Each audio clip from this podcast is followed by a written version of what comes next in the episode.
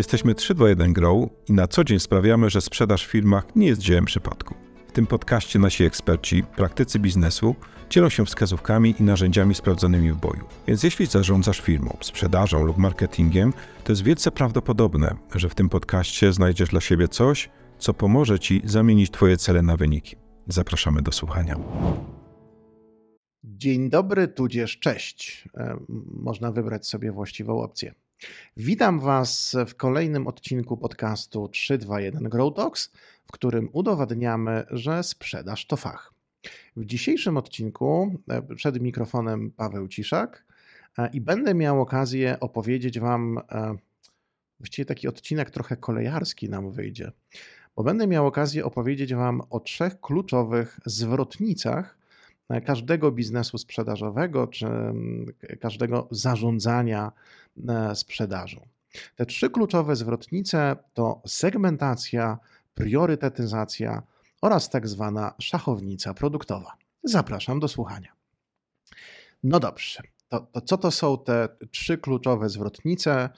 I tak zaczynając takim cytatem z klasyka, tudzież klasyczki, a po co to komu?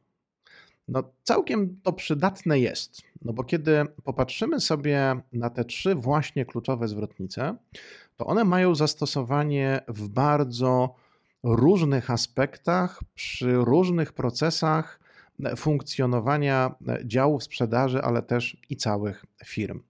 To zacznijmy sobie może pomału od segmentacji. Taka książkowa definicja segmentacji, oczywiście segmentacji klienckiej, E, to podział klientów na mniejsze grupy według przyjętych kryteriów w celu jak najtrafniejszego dotarcia do nich z Twoją ofertą. Ależ encyklopedycznie to zabrzmiało, prawda? A teraz tak nieco prościej. Segmentacja określa rodzaj Twojego klienta. A skoro określa rodzaj Twojego klienta, to też determinuje proces sprzedaży, którym będziesz do tego klienta docierał.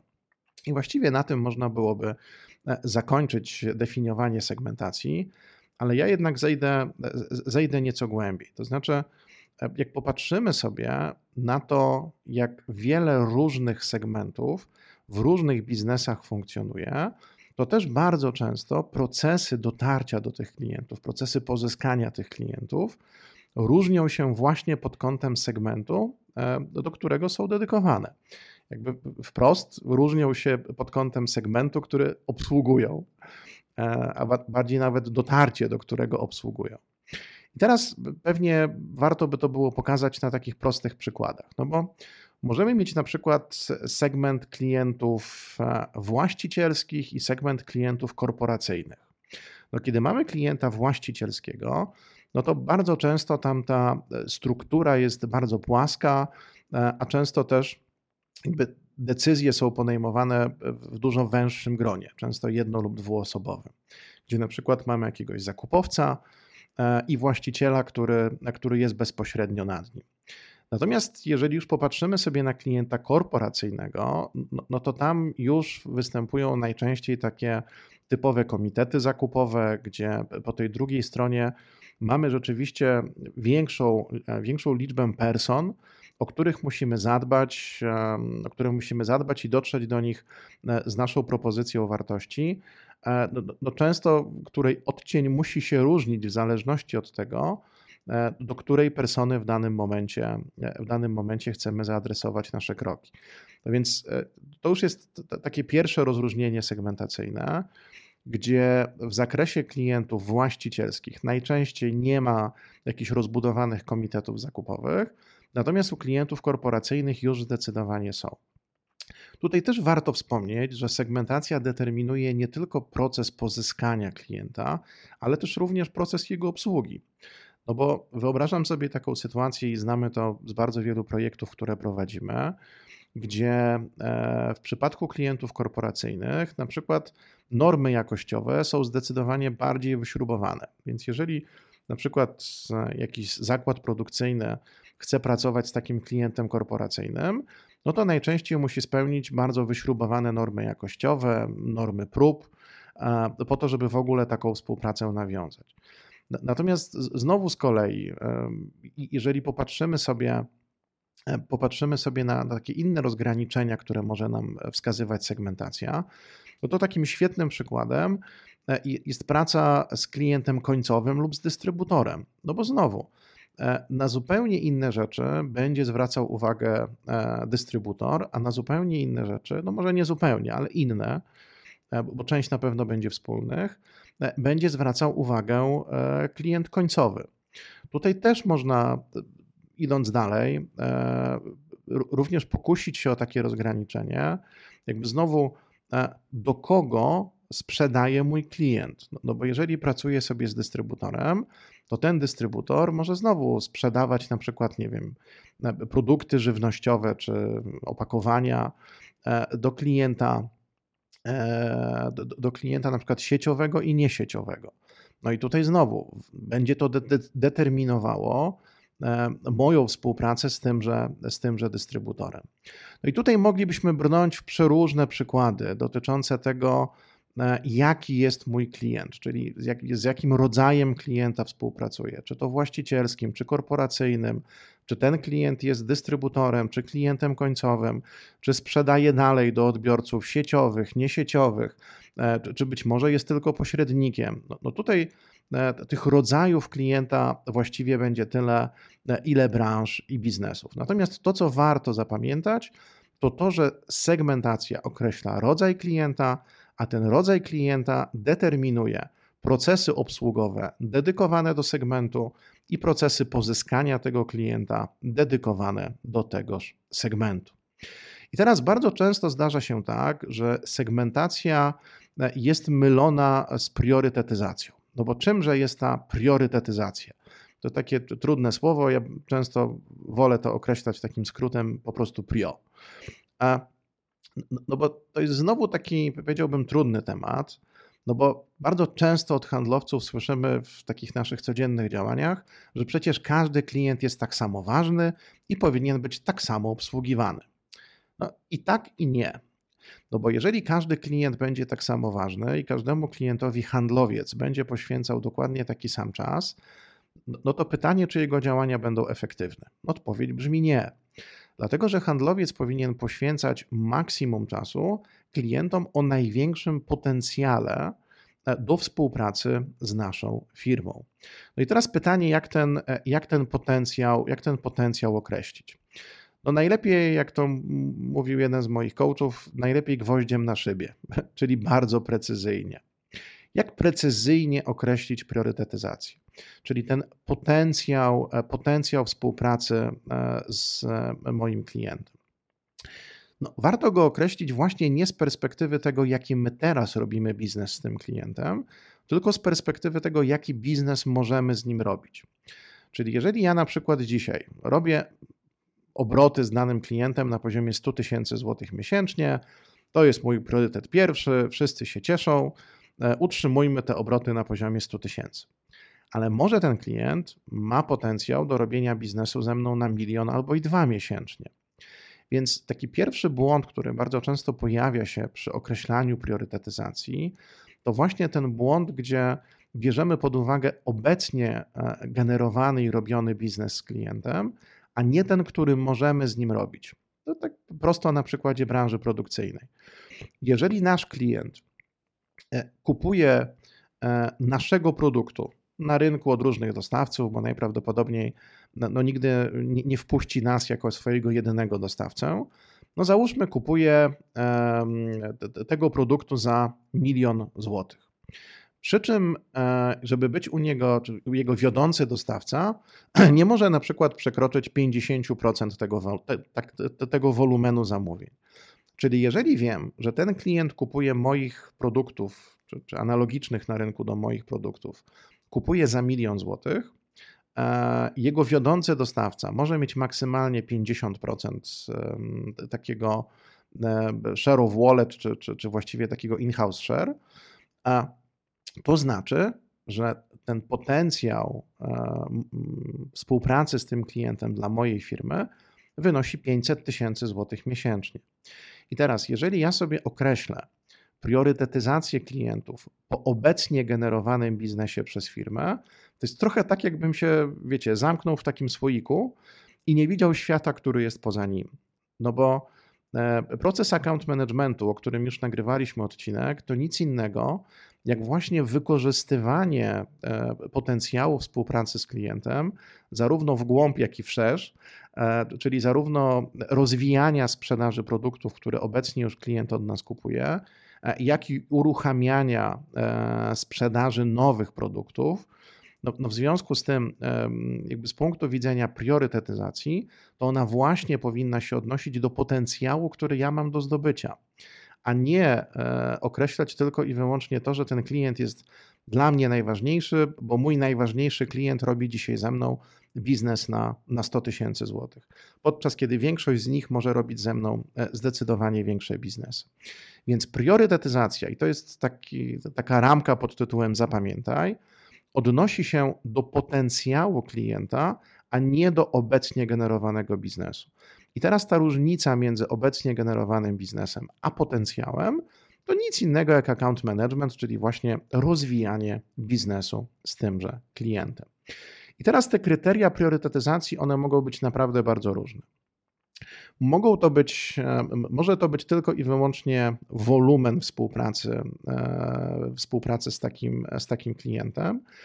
Możemy go na przykład mierzyć sprzedażą całosamochodową, gdzie na przykład takim priorytetem e, najniższym będą dla nas na przykład wszystkie te, wszystkie te firmy, które chcą z nami handlować na przykład paletami i od określonego wolumenu współpracy możemy sobie uruchomić taki priorytet drugi e, czy trzeci.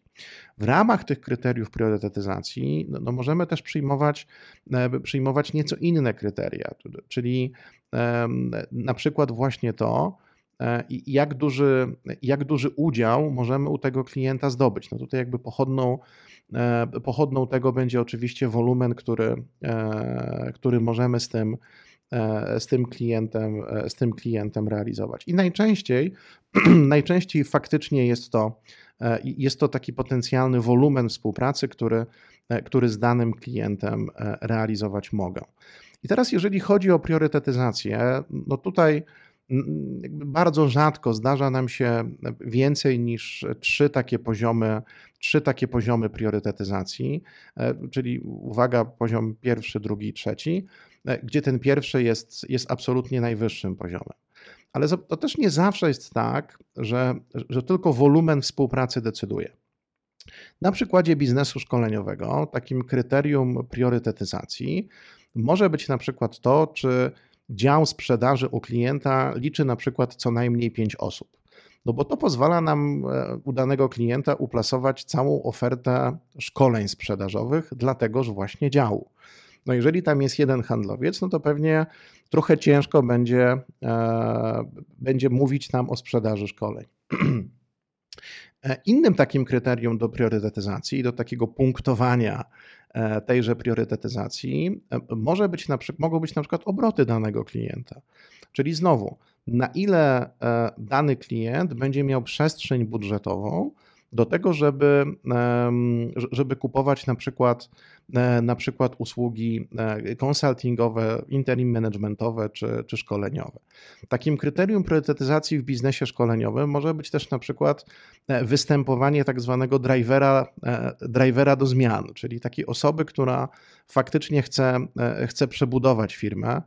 Bardzo często to są na przykład synowie właścicieli, którzy zbudowali przez lata naprawdę pięknie prosperujące zakłady, a dzisiaj ich synowie chcą na przykład uruchomić e, sprzedaż eksportową, czy, e, czy jeszcze, jeszcze bardziej skokowo, skokowo takie firmy rozwinąć. I wtedy już ta priorytetyzacja staje się nieco bardziej zaawansowana, czyli każdemu z kryteriów tej priorytetyzacji no możemy już przyznawać, e, przyznawać określone punkty. I teraz E, to jakby dane kryterium priorytetyzacji. Notabene nawet e, wczoraj miałem okazję z jedną, firm, z, jedną z firm właśnie e, taką priorytetyzację wstępnie opracowywać. No i okazało się, że na przykład obroty danej firmy są zdecydowanie mniej ważne niż inne kryterium priorytetyzacyjne. No więc wtedy tym kryterium możemy zacząć przyznawać określone wagi, czyli poziom ważności, właśnie poprzez określone ich punktowanie. No i wtedy możemy się już zabawić w, taki, w taką bardzo zaawansowaną priorytetyzację, e, czyli właśnie opartą o przedziały punktowe, czyli od punktu tam, nie wiem, 1 do 5, jeżeli taki klient zdobywa te 5 punktów, to jest na przykład nasz priorytet trzeci, od 5 do 10 to jest priorytet drugi, a na przykład, nie wiem, od 10 do 13 e, to jest nasz priorytet pierwszy. Przy czym te kryteria priorytetyzacyjne, one oczywiście mają nam wskazywać na to, jak duży biznes z tym klientem będziemy w stanie zrobić. No i pewnie taka ostatnia rzecz dotycząca priorytetyzacji, to pamiętajmy, że, że z priorytetyzacją to nie jest tak, że jednych klientów traktujemy lepiej, drugich gorzej jakby serwis, e, to, to SLA, które gwarantujemy i poziom obsługi e, tej takiej podstawowej na wysokim poziomie, on musi być dla wszystkich klientów dokładnie taki sam. Natomiast priorytetyzacja bardziej determinuje zarządzanie kalendarzem naszych handlowców. Czyli mówiąc trochę kolokwialnie, za priorytetem pierwszym chodzimy bardziej, bo po prostu możemy z nim zrobić zdecydowanie większy biznes, a tym samym również ustabilizować, ustabilizować nasz.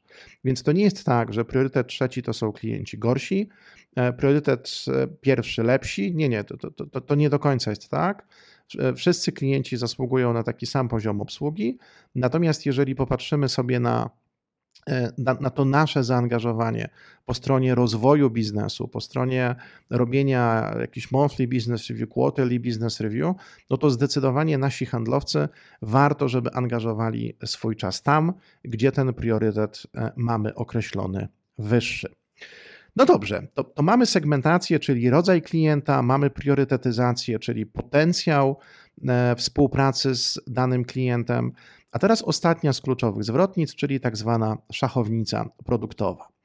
No i oczywiście pewnie nie odkryję Ameryki, jeżeli powiem, że e, te wszystkie trzy zwrotnice, zanim e, wejdą w krew danej organizacji, to też często handlowcom się mylą, ale kiedy już wejdą w krew danej organizacji, to taki powiedziałbym alfabet tego, w jaki sposób dział sprzedaży, E, często nawet komunikujący się z działem, czy to reklamacji, czy, czy z działem produkcji, e, zamiast opowiadać o danym kliencie, jak on jest dla nas ważny, no to wystarczy powiedzieć często jedno, priorytet pierwszy, e, i, już wtedy wiadomo, kto na przykład ma mieć pierwszeństwo w produkcji, w produkcji złożonych zamówień. Ale wracam do szachownicy produktowej, bo szachownica produktowa to nic innego jak taki wachlarz i zestawienie, takie powiedziałbym silosy, e, trochę obrazowo, e, Twoich produktów i usług, które masz w swoim portfolio. Czyli na przykładzie 321 Grow mamy interim management, mamy szkolenia, mamy consulting. No więc to są takie nasze trzy elementy szachownicy produktowej. I teraz z punktu widzenia karty klienta, czyli rozpatrywania każdego z naszych klientów, na ile jesteśmy w stanie u takiego klienta uplasować na przykład usługi konsultingowe, na ile jesteśmy w stanie uplasować usługi szkoleniowe. No, szkolimy ze sprzedaży, no więc jeżeli na przykład e, u danego klienta dział sprzedaży, tak jak powiedziałem wcześniej, to jedna osoba, no to raczej ciężko będzie, będzie ten element u klienta, u klienta plasować.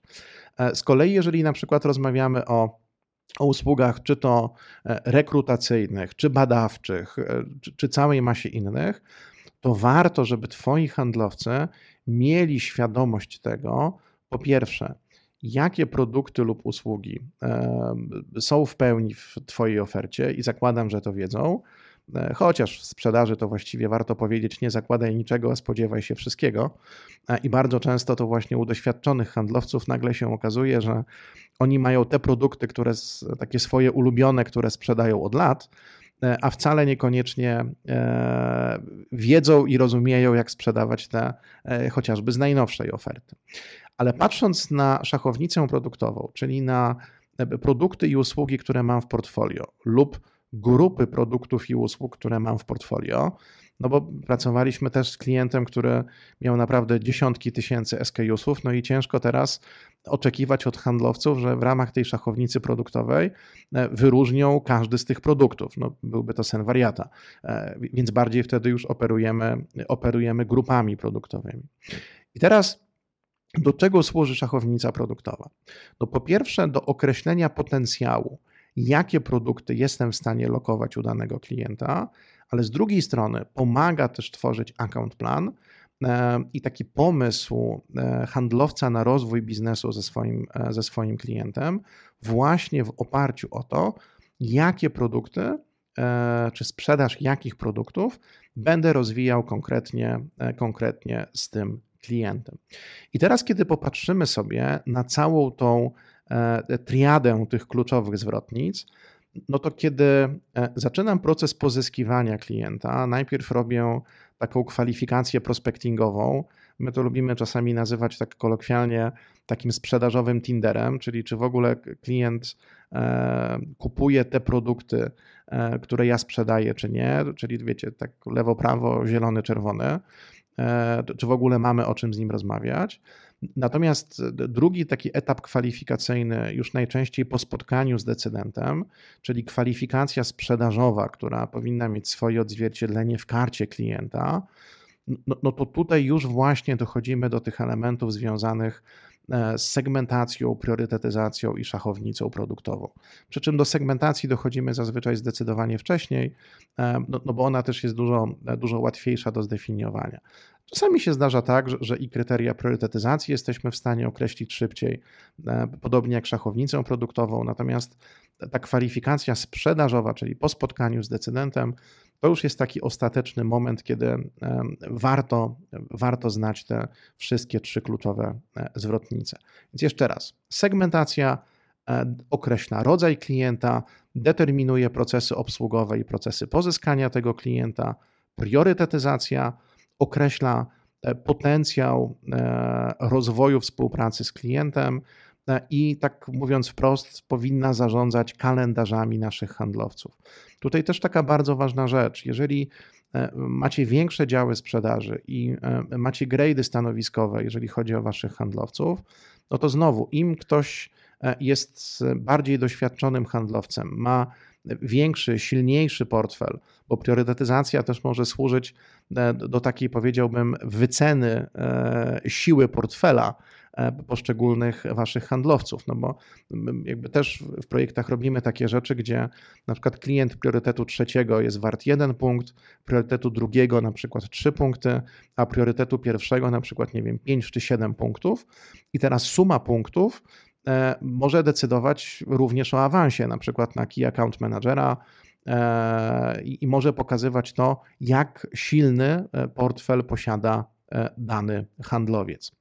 Więc kwestie związane z priorytetyzacją można wykorzystywać w bardzo, bardzo szeroki sposób. E, no i do tego szachownica produktowa, która też w wymierny sposób może wspierać zarówno procesy związane z forecastem produkcji, e, czy też z działaniami RD i wdrażaniem, e, i wdrażaniem nowych produktów. Mając te trzy zwrotnice, ich wdrożenie jest bardzo trudne, w szczególności właściwe określenie kryteriów priorytetyzacyjnych i ich przedziałów. Tutaj jakby ostrzegam lojalnie, że, że najłatwiej o błąd. E, pewnie szachownica jest najprostsza, segmentacja w takim, w takim poziomie trudności jest gdzieś pewnie, jest gdzieś pewnie po środku, ale kiedy zadbasz w swojej firmie czy w swoim dziale sprzedaży o zbudowanie tych trzech kluczowych zwrotnic, zadbasz o to, żebyś ty i twoi ludzie E, rozumieli e, zasady funkcjonowania tych trzech zwrotnic oraz to, do czego mogą Wam posłużyć, to gwarantuję, e, z całego serducha zapewniam, że Wasz biznes stanie się zdecydowanie bardziej prostszy, zdecydowanie bardziej przewidywalny, rozmowy staną się krótsze, a też współpraca międzydziałowa stanie się zdecydowanie bardziej efektywna. Jeżeli oczywiście macie jakiekolwiek pytania e, odnośnie jednej z tych trzech kluczowych zwrotnic, e, zapraszam do formularza kontaktowego 321Grow, czy również na mojego LinkedIna. E, bardzo chętnie o tym podyskutuję. No dobrze, to by było na tyle. Jeżeli wzięliście dla siebie z tego odcinka choćby jedną użyteczną rzecz, to bardzo prosimy o subskrybowanie, lajkowanie i komentowanie w zależności od medium, w którym e, odsłuchujecie tudzież oglądacie ten odcinek. I cóż, powodzenia we wdrożeniu. Dzięki, do zobaczenia. Cześć.